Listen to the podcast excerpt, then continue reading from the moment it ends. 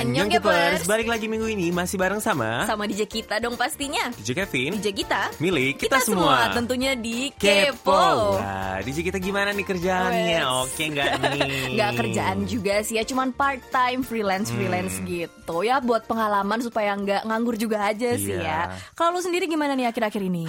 Seperti yang kalian semua mungkin sudah tahu nih ya Tragis sih gue akhir-akhir ini nih ya Jadi akhirnya gue nyari kerja lagi Jadi memulai segala dari awal lagi nih Ya, tapi gue pun juga gitu kan Yang penting semangat nih ya buat kita semua nih Iya semoga segera ada kerjaan yang benar-benar cocok nih sama Amin. gue dan lu juga nih ya Amin, amin. Gajinya juga cocok, atasannya juga cocok, semuanya pokoknya lingkungannya juga Pokoknya cocok diaminin deh, aja diaminin deh ya. semua.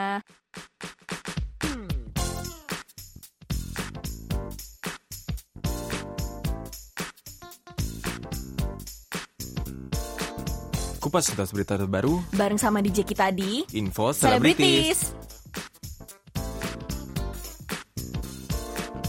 Setelah Engguang, Minhyuk B2B akan segera menyusul masuk wajib militer. Ilgan Sports menyatakan bahwa Minhyuk telah lulus dan diterima sebagai polisi wajib militer. Belum ada plan khusus mengenai kapan dia akan masuk wajib militer, namun dia diharuskan untuk masuk dalam kurun waktu 5-7 bulan yang akan datang.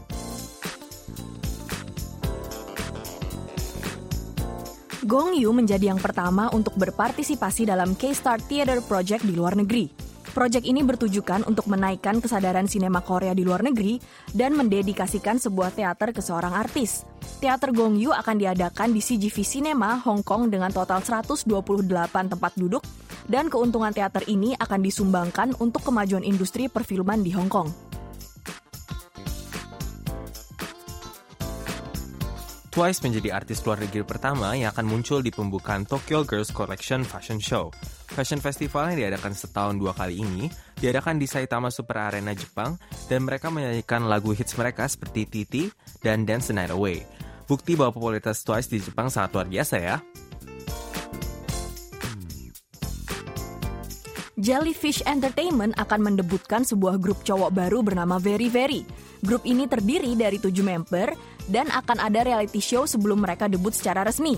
Di reality show ini, mereka akan mengikuti para member dan juga kehidupan mereka sehari-hari dan membawakan konsep creative idols. Very dalam bahasa Latin artinya truth dan juga bisa jadi singkatan various, energetic, real, dan innovation. Wuju Sonyo atau Cosmic Girls mengumumkan rencana comeback mereka tanggal 19 yang akan datang tanpa member Cheng Xiao, Mei Chi, dan Swan Yi. Starship Entertainment bilang bahwa Mei dan Swan Yi sibuk promosi di grup China Rocket Girls dan member Cheng Xiao baru saja dilamar di China. Maka dari itu, comeback dan promosi untuk album ini hanya akan dilakukan dengan 10 member saja.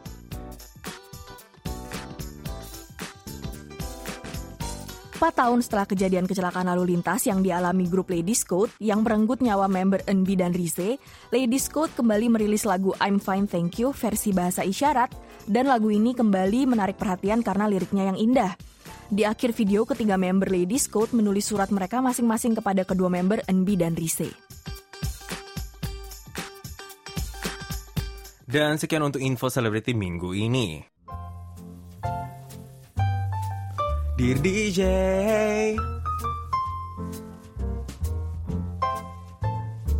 Dear, dear, dear DJ. Nah untuk minggu ini di DJ Yes. Lagi kering banget ya kayaknya Apa ya nih kenapa nggak dikirim Mm-mm. sih Kenapa nggak ngirim nih ya?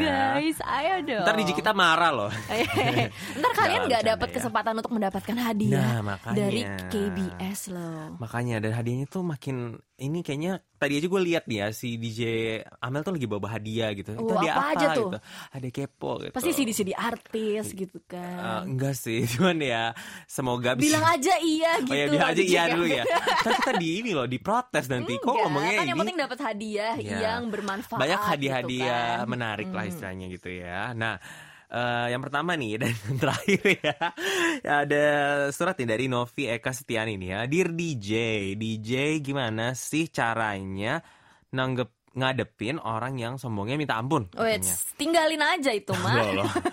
Hanya karena dia udah lebih sukses dibandingin yang lain, tapi dia nggak hormat gitu sama rekan kerja yang usianya lebih tua. Wah. Dan terus dia tuh suka seenak jidat kalau ngomong. Hmm, enaknya diapain ya DJ ya? Makasih ya DJ dan mau request lagunya BTS yang Fake Love I'm a nih. fake love gitu ya. Nanti kita puterin nih lagunya nih ya. Oke. Hmm. Dan kalau DJ Kevin eh, menghadapi seorang seperti seorang seperti itu tuh gimana? Kalau gua mungkin gue nyolotin balik. Gue nyolotin balik. Oh Kan dia nyolotin udah ini balik. kan, Tapi sok bisa gitu nggak kan. sih nyolotin balik gitu? Kayak DJ sebenarnya- Kevin tuh bukan tipe orang yang suka nyolotin Iya balik sih, gitu. gue tuh orangnya lebih kayak calm-calm gimana gitu, tahu diri gitu nggak sih ya. ditahan gitu, terus nanti ceritanya ke kita. gitu. Ada di belakang gue ini ya, enggak lah, enggak lah. Ya tapi gue, eh gue tahu ya, gue sih kadang ngerasa gini sih, kalau misalnya orang yang sombong nih ya, tapi kalau memang dia memang lebih sukses eh, dibanding gue mungkin gitu ya, ya ya udahlah ya, gue bilang gue nggak terlalu nganggep pusing gitu loh, karena ya memang udah buktinya dia lebih bagus daripada gue gitu loh ngerti gak sih? Eh, ya udahlah sesuka dia gitu. suka-suka dia Hmm. gitu ya. Cuman ada ceritanya kan dari Novia Castiani dia itu sampai nggak hormat segala tuh. Nah. Bahkan sama rekan kerja yang lebih tua nih dalam hal Nah. umur ya ini. Nah makanya nih kalau menurut gua yang ini yang nggak bagus nih menurut Hmm, gua. Maksudnya lu boleh lah mau nyombongin diri, mau pamer punya barang apa segala macam bla bla. Tapi kalau sampai yang namanya nggak hormat, apalagi sama orang yang lebih tua tuh ya, misalnya kayak ngomong nggak sopan gitu kan ya, nggak kayak nggak ada sopan santunnya gitu ya. Itu menurut gua kebangetan sih kalau di sisi Iya. itu. Kalau menurut lu sendiri gimana nih? Padahal ya padahal kan budaya timur itu kita harus selalu hormat kepada orang yang Betul. lebih tua gitu kan. Walaupun Betul. kita lebih sukses pun ya kita haruslah hormat kepada orang yang lebih Hmm. tua kan.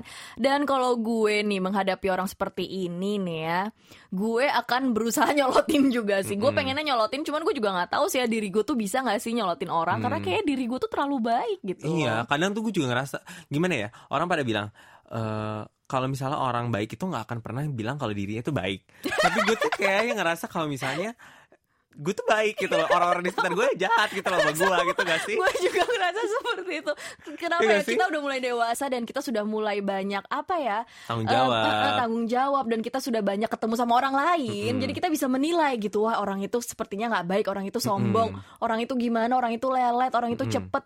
Dan gue menilai diri gue sendiri, wah kayak gue baik deh sebenarnya. Nah, gue tuh gitu orangnya loh. paling gak bisa yang namanya menolak sesuatu. Hmm. Jadi tuh gue kayak suka dikerjain gitu sama orang. Oh iya dikasih lagi, dikasih lagi, dikasih lagi. Kerjaan nih ya, dalam hal misalnya kerjaan nih ya. atau misalnya minta bantuan atau apa segala macam gitu loh. Jadi yang ada gue yang stres sendiri gitu loh. Tapi kayaknya oh gue kayak baik banget ya sama orang ya. Tapi kok orang-orang min- gue minta eh, tolong kayak gitu nggak mau gitu loh, ngerti gak sih? Atau nggak enak gitu. Kalau gue sih gue nggak enak gitu loh minta tolong. Kalau gue sih ya dari awal gue udah nggak enak minta tolong Oh, dan gitu. ya usahain gue dulu deh yang ngerjain. Cuman orang lain tuh sering banget minta tolong ke gue. Lo pasti sering juga sih disuruh translate apa gitu-gitu gitu-gitu kan. Nah, by the way, kembali nih ya ke topik nih ya. Iya, kita ngerocosnya lama banget Prosesnya nih ya. lama banget nih ya. Tapi ya kalau kadang gue juga mikir sih kalau orang-orang yang kayak gini nih yang nggak sopan atau nggak hormat kayak gini, suatu saat tuh kayak bakal kena batunya gitu loh. Karena Iya. sebenarnya orang-orang kayak gini di atasnya pasti ada orang lagi kan yang lebih hebat lagi daripada dia dan, dan dia bisa somehow kena semprot gitu loh suatu saat gitu loh. Gue sih percaya kayak gitu sih. heeh. Hmm, Dan gue selalu mikir kalau misalnya eh, kayak yang tadi lu bilang gitu loh, gue tuh selalu mikir di atas gue tuh masih ada orang yang lebih baik lagi, lebih bagus lagi daripada gue gitu loh. Jadi gue selalu berusaha untuk merendahkan diri pasti. Merendahkan diri aja. bijak ya. banget ya, sok bijak banget. Bijak gak coba kalian yang nilai guys Ini DJ Kevin bijak atau enggak Cuman ya Iya. seperti biasa Kalau misalnya emang nggak ada cara lain nggak bisa nyolotin Kamu terlalu baik untuk nyolotin Ya menjauh aja sih dari dia Dan didiemin aja gue sebenarnya ya, lama-lama capek aja. gak sih kalau misalnya didiemin gitu kayak Kamu kan pasti punya teman lain kan Selain Iya. dia di kantor itu Jadi ya didiemin aja kayak ya udahlah buang muka aja gitu loh nggak peduli gitu loh sama mereka lama-lama dia juga capek kok Yes, dan exactly. nggak akan lagi kayak gitu lagi kok ya semoga gitu Semoga ya amin dan semoga juga Nevi Novi ini ini ya tetap bertahan nih ya Iya. menghadapi orang-orang seperti itu Mm. Dan sekian untuk DJ minggu ini nih ya Cuman satu Cuma nih satu guys aja nih ya. Dan yang pastinya kita minta tolong untuk kalian semua berpartisipasi minggu depan juga nih pastinya nih ya. Dan kita tunggu cerita-cerita yang menarik dari para Kepowers. Bisa mau dari curhat, mau cerita something gitu ya. Apa pun yang mau kalian tanyain juga tentang Korea mungkin bisa aja langsung kirim email ke Bisa email aja kita. nanya DJ Kevin gimana Apa? sih cara supaya bisa dapat otot yang bagus gitu. Oh iya mungkin. Caranya gimana Jadi sih? kalau saya sama saya mungkin eh, tanya-tanya otot boleh sama Iya. DJ kita nanya apa? Nanya apa ya? Nanya menari-menari atau nanya tentang engineering Nanya gitu tentang bisa mungkin ya. Gimana sih kehidupan anak-anak S2 di sana gitu-gitu. mau cari pacar di Korea gimana gitu kan bisa juga ya Iya, apa pun Em, boleh ditanyakan ke DJ kita ya. hmm, langsung aja bisa email kita ke indonesia@kbs.co.kr dan juga bisa lewat Facebook message kita ya Nah, untuk laporan penerimaan siaran minggu ini kita bacain ada dari Jang Pak Ning di Binjai 30 Agustus 2018 pukul 4 sampai 5 melalui frekuensi 9805 MHz Sinpo 4333. Annyeonghaseyo semuanya di KBS World Radio Seksi Indonesia di Seoul. Tak terasa kini kita sudah memasuki bulan ke-9 di tahun 2018. Semoga semua berjalan sukses di bulan-bulan sebelumnya dan bulan-bulan ke depannya sebelum datangnya tahun 2019 katanya gitu. Hmm, terus nih ya katanya acaranya diawali dengan warta berita promosi pariwisata Korea Selatan selama Asian Games 2018 di Indonesia nih ya. Hmm. Dan Annyeonghaseyo Nika inilah Seoul, Taman Kota Pohon Pinus, destinasi wisata di Korea Asian Games 2018 di Jakarta dengan pemecah rekor baru. Dan kemudian komen mengenai siarannya nih untuk hari itu ya nih ya. Banyak propagasi suara berisik dan timbul tenggelam suaranya sehingga kurang nyaman mendengarkannya dan juga gangguan dari pemancar lain sampai pukul setengah lima sore nih ya. Pesawat prima saya Sony ICF 7600DS dengan built-in antena dan jangan lupa kartu verifikasinya nih. Terima kasih ya atas laporan penerimaan siaran minggu ini. Dan oh ya, KBS World Radio sedang mengadakan survei kepuasan pendengar secara online ya yang bisa diakses lewat website kita. Selain yang pastinya bisa membantu kami untuk memberikan program yang lebih baik, akan ada hadiah yang diundi untuk kalian yang berpartisipasi nih ya pastinya. Oh, i, jadi langsung aja cek di website kita ya di word.kbs.co.kr slash Indonesian dan klik di tab survei kepuasan pendengar. Mm-mm, dan sekian untuk laporan penerimaan siaran minggu ini.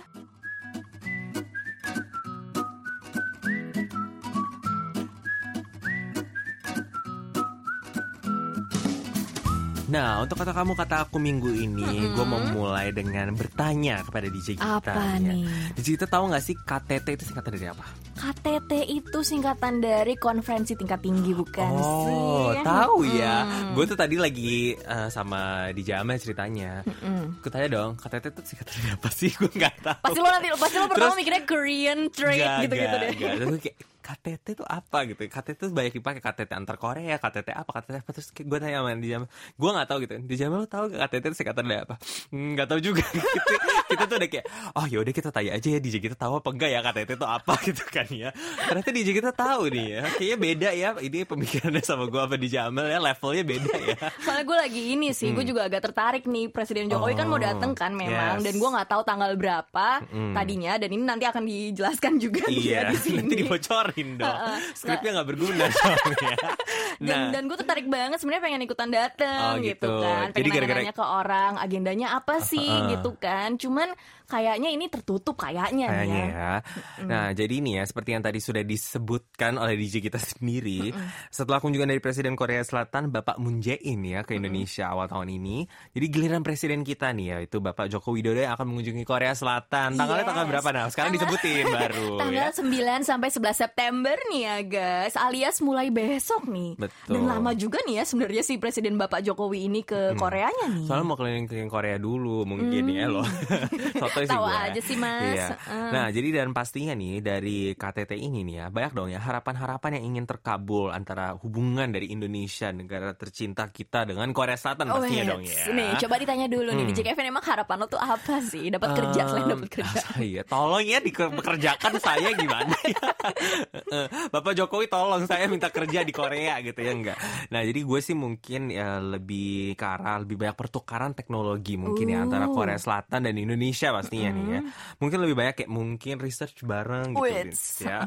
Supaya Indonesia juga nggak kalah maju dong daripada Korea yang nggak sih ya. Kita aja udah bisa Asian Games bisa lah gitu loh. Iya, Ke depannya lebih dan- maju lagi dong ya. Mm, Dan Asian Games tuh dipuji di berbagai pihak Yo, nggak sih? makanya masih hype-nya Asian Games kita Masih ya. euforianya masih menyala Yo, nih ya. Nah kalau lo sendiri di kita jangan Wes. niru dong tapi Aduh, lo apa apa, ya? ya agak kreatif dikit dong gitu. Tolong dong supaya saya bisa merit gitu gimana? Padahal udah bisa gitu Oh. sebenarnya nih ya. supaya bisa apa Hmm, keluarga ya? negaranya dua gitu ya. Uh, Keluarga negaraan dua mungkin bisa Oh, juga iya. diminta tolong ke Bapak Jokowi. Soalnya gue sama sekali nggak mau melepas keluarga negaraan nih ya. Oh. Karena gue pengen banget mimpi gue juga mungkin gue em, di Korea kan mengambil pekerjaan itu kan untuk mendapatkan pengalaman-pengalaman gitu kan ya. Cuman ya pengen banget sih mimpi gue kayak kerja di Kementerian Indonesia Oh, gitu iya, kan. gitu Mungkin ya. bisa menjadi seseorang yang tinggi yang bisa Let's- merubah Indonesia. Nanti gitu namanya kan. itu Gita Teresia Gita Apsari gitu ya dikenal Ibu Menteri gitu Menteri kan.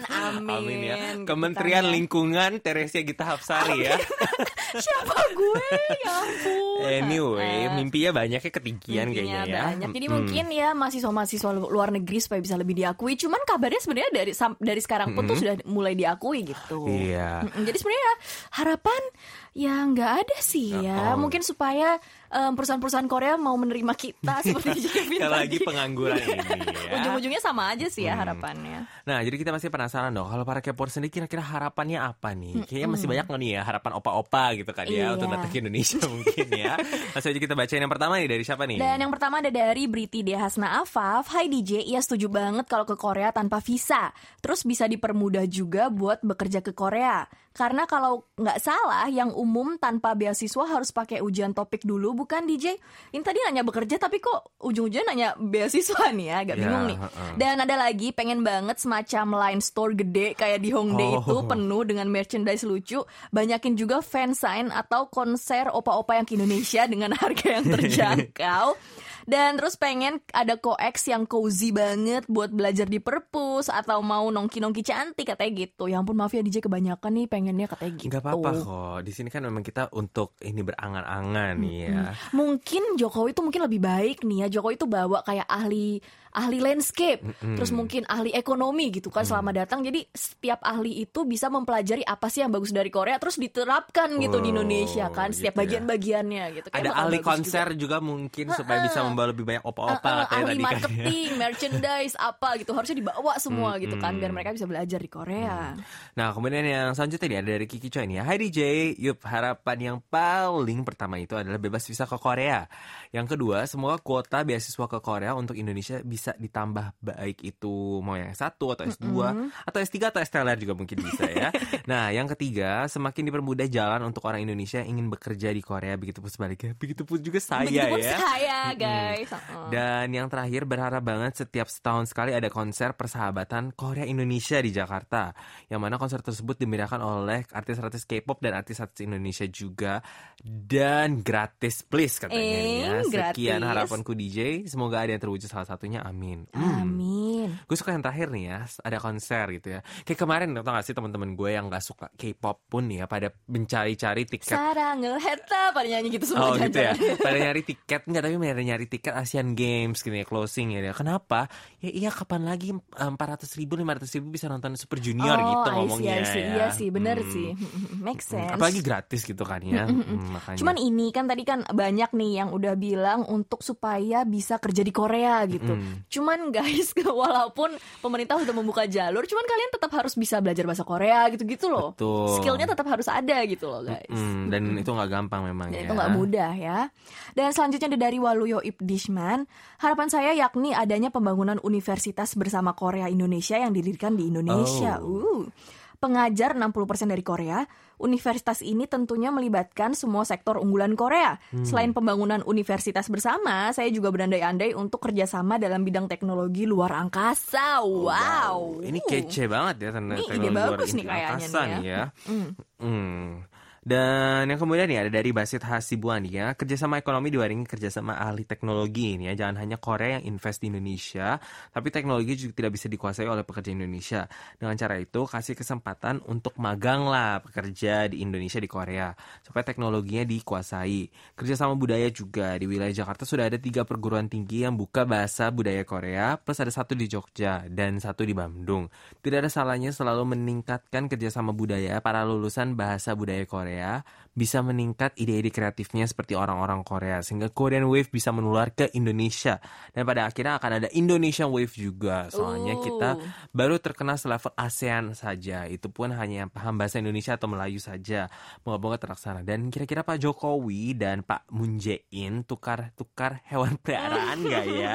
Cuma harapan saya Pak Jokowi dan Pak Moon Jae-in jangan sampai cepika-cepiki aja risi lihatnya kayak pejabat di Indonesia nih ya tidak disebutkan pejabatnya siapa ya anyway Iya nih ya, kapan gitu? Gue sih selalu berharap sih sebenarnya akan ada Indonesian Wave nih ya. Karena gini, selalu gue juga, eh, jadi gue kan kemarin juga baru rekaman seksi bahasa Korea nih. Dan ditanya nih, melalui Asian Games tuh apa sih yang diharap-harapan untuk Indonesia nih ya? Harapannya tuh kayak lebih banyak orang luar yang mengerti, yang tahu tentang Indonesia. Karena kita dulu nih ya gue, waktu pertama kali datang nih ya, masa ditanya gini, oh, di Indonesia tinggalnya di rumah kayak apa sih bentukannya? di situ ada listrik gak sih? Kayak kita tuh tinggal di hutan-hutan gitu loh, ya gak sih? Soalnya mereka lihat paling kan Kalimantan, Iya, Borneo yang semuanya forest gitu kan ya. Hello Jakarta kayak apa ya gitu kan. Iya sih bener-bener. Makanya semoga lebih banyak lagi yang ngerti Indonesia dan ada Indonesian Wave gitu kan ya. Iya Hmm. bener banget Dan selanjutnya ada dari Novia Castiani Hai DJ Kalau aku harapannya semakin meningkat kerjasama antara Indonesia sama Korea Di segala bidang Terus betul banget nih DJ mempermudah orang Indonesia yang mau berkunjung ke Korea nih katanya. Lebih banyak lagi beasiswa sekolah di Korea. Terus yang paling utama dapat akses khusus buat bisa ikut fan meet idol Korea untuk fans Indonesia. Haha, Ngayal nggak sih nih? Gitu. Oh ini kalau orang Indonesia punya prioritas sendiri nih ya. Oh boleh Prioritasnya boleh ketemu boleh langsung artis gitu nih ya. ya. Hmm, Tapi nggak apa-apa sih, bagus juga kan. ini harapan semua orang Indonesia lah semua K-popers Yes, Indonesia nih ya. exactly. Termasuk kita sih ya loh. Dan kemudian ada dari Nurina Ayu Ningtyasnya. Halo DJ, Tentunya harapan aku bisa ke Korea tanpa visa dan terus di Indonesia ada cabang store dari produk agensi-agensi besar seperti Sam Market, JYP Store dan lain-lain. Sehingga biaya lebih ringan dan ambil banyak. Eh, selain itu, semakin banyak kuota beasiswa S1, S2 atau exchange student dari Indonesia ke Korea. Dan semoga semakin erat persahabatan antara Korea dan Indonesia sehingga terwujud banyak kemudahan antar kedua negara. Dan pesannya nih ya, pengen banget di Indonesia dikirimi kereta cepatnya Korea biar Jakarta Solo bisa satu jam saja katanya. Makasih di DJ. Oh, kereta cepat nih ya bener. Kalau di Korea kan pakai KTX nih disebutnya KTX nih ya. nih Ke mana-mana Jakarta cepet Solo banget. satu jam itu wow lumayan ya. Iya nih. Lumayan. Semoga Jokowi Pak Jokowi bisa ini ya Bisa, mempelajari. mungkin bisa mendil-mendil gitu ya. Eh, Tolong ahlinya gitu bisa ya. mempelajari. Heeh. Heeh. Dan ada yang pasti tadi JYP Store gitu-gitu nih ya. Heeh. Dan selanjutnya ada dari Eva Nurjana, setuju banget DJ kalau dibebasin visa buat orang Indonesia biar gampang kalau mau jalan-jalan ke Korea dan gak usah urus visa kan ya. Tapi kalau nggak salah Jeju udah bebas visa kan DJ? Nah kalau bisa bebasin visa ke tempat-tempat lain juga biar aku bisa sering jenguk-jenguk opa aku nih ya, katanya gitu. Pengen banget jenguk-jenguk opanya nih ya. Bisa kan ya ke Jeju tanpa visa kan ya? Betul, jadi makanya eh, katanya kalau nggak salah akhir-akhir ini tuh banyak banget yang kayak misalnya travelnya eh, dari ke Hong Kong dulu, terus ke mana-kemana, terus ke Jeju doang, tapi balik lagi gitu. Ya bisalah menikmati Korea sedikit-sedikit gitu ya. Sedikit-sedikit bisa. Hmm. Nanti ke depannya pasti semoga bisa juga Korea eh, seluruh Korea nih ya, jangan semua Jeju aja kan ya. Amin amin. Hmm. Dan kemudian ada dari Naila Naufi nih. Hai DJ, aku pengen banget kayak Sam Market atau JYP Store ada di Indonesia. Oh, disebut lagi nih ya. Biar bisa beli K-pop stuffnya murah. Apalagi highlightnya Day6 jarang banget yang jual di sini. Harga aslinya 250. Kalau ada yang jual di sini bisa sampai 500 eh, 600 ribu rupiah. Semoga nanti mereka buka cabang di Jakarta. Amin nih ya katanya nih ya. Pada banget nih ya pengen nih ya kayaknya JYP Store sama Sam Market nih ya. Tadi aja udah disebutin juga ya gak sih? Iya nih, tapi jujur gue tuh belum pernah ke JYP Market kan nih, JYP Store maksudnya.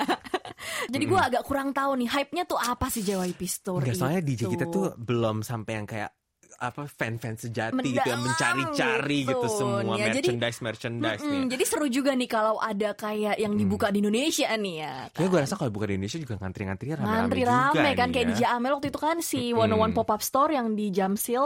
Wow, itu sampai padahal baru jam 9 pagi apa katanya nih ya, baru Mm. buka gitu. Luar biasa Luar ya. biasa. Dan selanjutnya ada dari Kuni Sangadati. Hai hai DJ Kepo, harapanku iya sama dengan semua bebas visa ke Korea nih ya. Tiap mengandai ke Korea pasti kepentok bayang-bayang visa katanya gitu. Dan pengen harga pengiriman pos Korea ke Indonesia lebih murah biar bisa beli barang Korean langsung dari Korea begitupun sebaliknya. Dan kerjasama Indonesia Korea lebih banyak lagi terutama di bidang musik dan pariwisata. Semoga Indonesia semakin dicintai Korea dan Korean bisa diterima warga Indonesia lebih baik lagi katanya gitu. Oh iya nih ya baru dari tadi perasaan tuh eh, cuma orang pengennya Indonesia bisa begini begini begini begini tapi ini si Kuni eh, Sanggadati untuk pertama kalinya nih bilang semoga ada lebih kayak in- eh, Korea juga bisa diterima di Indonesia Indonesia bisa diterima di Korea gitu Iya. ya Cuman Hmm. sebenarnya Korean udah diterima sih di Indonesia. Korea udah terlalu diterima Udah gak sih di. Indonesia Bukan udah ya cukup, maksudnya boleh banget datang lagi. Iya. Cuman sebenarnya udah udah udah diterima. udah gitu. banyak udah banyak banget ya Memang Indonesia ini kali ini Indonesia yang diterima Indonesia di Korea nih, fokusnya Amin. mesti Indonesia di Korea nih ya. Hmm. Dan ada dari Rahmatia nih ya Hai DJ, harapan saya yang pertama adalah memperbanyak pertukaran pelajar Indonesia Korea Dan memperbanyak jalur beasiswa untuk bersekolah di sana nih ya. Dan karena saya berharap saya dapat melanjutkan pendidikan ke Korea Selatan. Mungkin harapan terbesar saya itu sekian dan terima kasih nih ya. Hmm. Bisa bisa mungkin kuota apa namanya kuota muridnya bisa diperbanyak juga gitu Iya. kan. Dan sebenarnya eh, eh, kita nih ya murid-murid Indonesia di Korea itu lumayan berprestasi juga terkenal ya nih ya. Kecuali saya ya sebutkan sekali lagi. Gue kayak nggak tahu mau balasnya gimana tiba-tiba dia kayak DJ muji Gita diri sendiri. gitu loh. Kayak DJ Gita enggak, enggak. DJ Kev itu gitu ya. berprestasi banget loh guys. Oh my god. Berprestasi gitu kan. apa berkecuali di sekolah. Bodybuilder Hmm, let's- pertama, anak SNU Let's- nih kan. Pernah pernah intern di perusahaan besar di Korea juga gitu. Tapi nggak dapat kan. kerja ya dulu ya. Dapat, dapat kan maksudnya kayak pengalamannya man- udah banyak gitu. Working experience-nya kan mantep nih DJ Kevin. Ya minta kan? didoa ya, didoain lah ya. Hmm. Kemudian yang terakhir ada dari Dwi Budi Raharjo nih ya. iPop semestinya sudah dapat diterima masyarakat Korea karena sudah banyak yang pintar menyanyi meraih bintang saat Asian Games yang lalu Bener katanya nih ya. banget. Oh gitu ya. Ya nih harusnya iPop juga bisa nih ya seperti K-pop gitu ya men- eh, menjelajahi dunia gitu ya. Soalnya menurut gue nih ya pribadi nih ya, gue tuh merasa Indonesia punya artis-artis yang lebih kuat, penyanyi-penyanyi yang suaranya tuh lebih kuat gitu nih ya. Kayak waktu itu yang nyanyi meraih bintang kan Via Valen, gue tuh gak nyangka dia punya suara yang sekuat itu tuh ya. Oh. Terus waktu opening Raisya dan waktu closing si siapa namanya? Ada Isyana juga, gitu kan, ya. kenceng-kenceng gitu. Sedangkan eh, jujur kalau menurut gue kalau eh, Korea gitu banyak juga kayak Ailey gitu-gitu kan. Cuman kan karena kebanyakan ditutupi oleh idol-idol yang suaranya tuh lebih manis gitu kan, pelan-pelan suaranya. Jadi pada eh, menurut gue I-pop itu akan terkenal banget sih ya di Korea. Iya, semoga nih ya ke depannya nih ya banyak- lebih banyak lagi orang-orang yang mengenal I-pop nih ya. Mm. Jangan sampai dikenalnya Indian pop tapi Indonesia pop harusnya nih Kayaknya ya. I-nya tuh mesti Indonesia Mm, nih ya. uh-uh. Dan sekian untuk kata kamu kata aku minggu ini ya. Dan jangan lupa tetap berpartisipasi untuk minggu depan ya. Dan untuk yang beruntung minggu ini Adalah- adalah Basit Hasibuan. Yeay, selamat ya. Dan jangan lupa untuk konfirmasi data diri kamu lewat email kita di indonesia@kbs.co.kr atau papan umum website kita juga.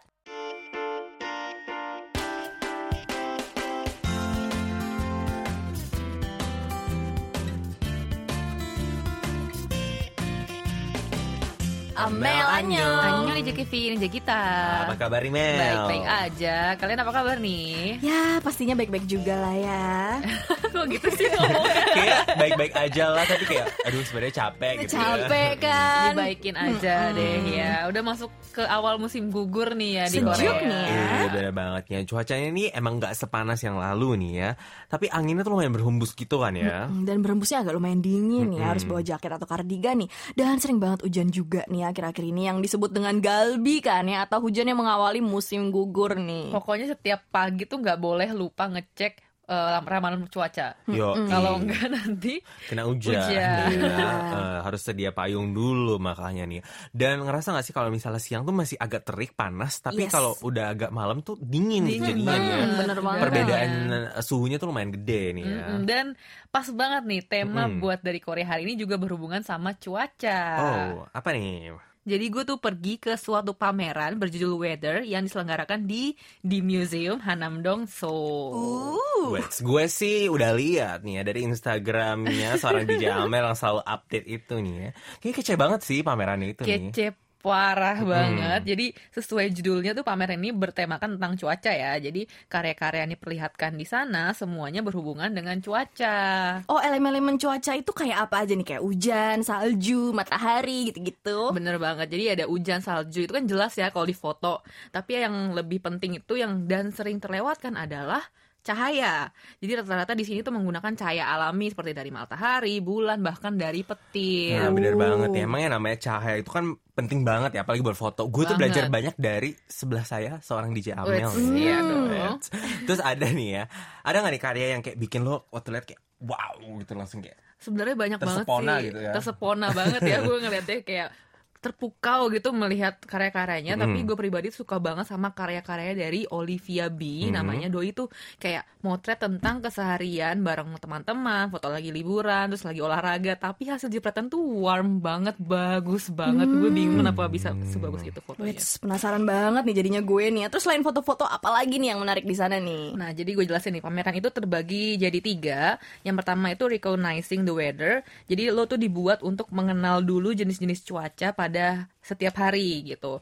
Yang kedua talking with the weather. Di sini tuh ada ruangan di mana bisa menikmati eh, suara hujan, terus ada hembusan angin, petir dan macam-macam. Jadi lo bisa Wits. merasakan sendiri gitu loh. Romantis banget nih ya kayaknya nih ya. seru banget seru banget dan yang terakhir itu ada uh, remembering the weather jadi para artis tuh bilang lo tuh akan mengingat suatu kejadian lebih dalam kalau lo inget cuaca hari itu Setuju, setuju, setuju. Kayaknya dengernya aja pameran ini banyak game song game songnya nih. ya, apa tuh game nih ya. song yang emotional Eh, gitu kali feeling gitu feeling ya. gitu, Ini kan kesukaannya di Jamel banget terus kalau kayak- foto mesti game song. game song ya. Mbak. Eh terus tuh gue mau ngomong jadi tagline-nya itu di uh, pameran itu nggak ada cuaca yang buruk, Mm-mm. tapi hanyalah cuaca yang indah pad dengan caranya masing-masing. Wih. Wits, luar biasa banget. Beautiful on its own way, Yes. in its own way. Wow. Kenapa tiba-tiba gue bahasa Inggris di sini ya? Sebenarnya tagline yang sering didengar juga sih ya. Nah, by the way nih ya, untuk tiket masuknya sendiri berapa nih pamerannya nih? Jadi tiketnya itu 9.000 won untuk orang dewasa emang lumayan mahal sih ya. Jadi 100 ribuan gitu. Cuman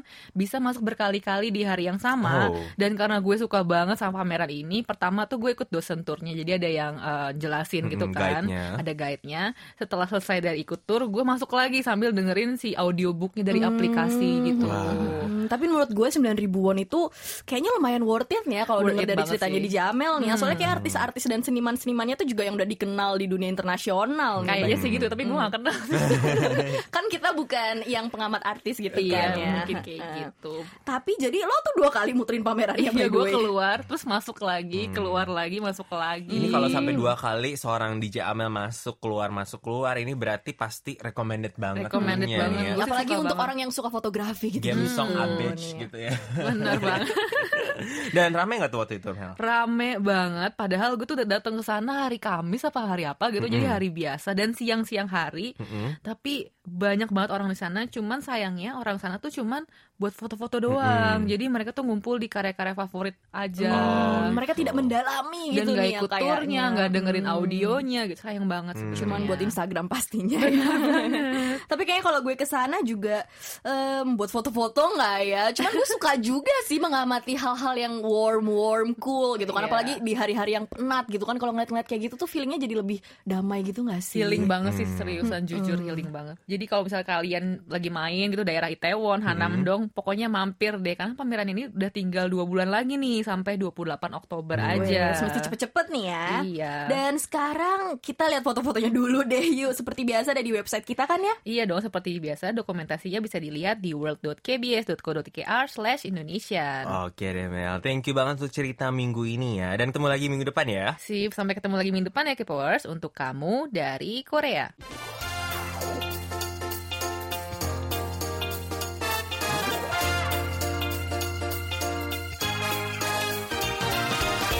Sudah waktunya untuk pamitan Kepo minggu ini. Dan jangan lupa untuk dengerin Kepo seperti biasa minggu depan. Sampai ketemu lagi minggu depan ya para Kepoers. Dan tetap Kepo!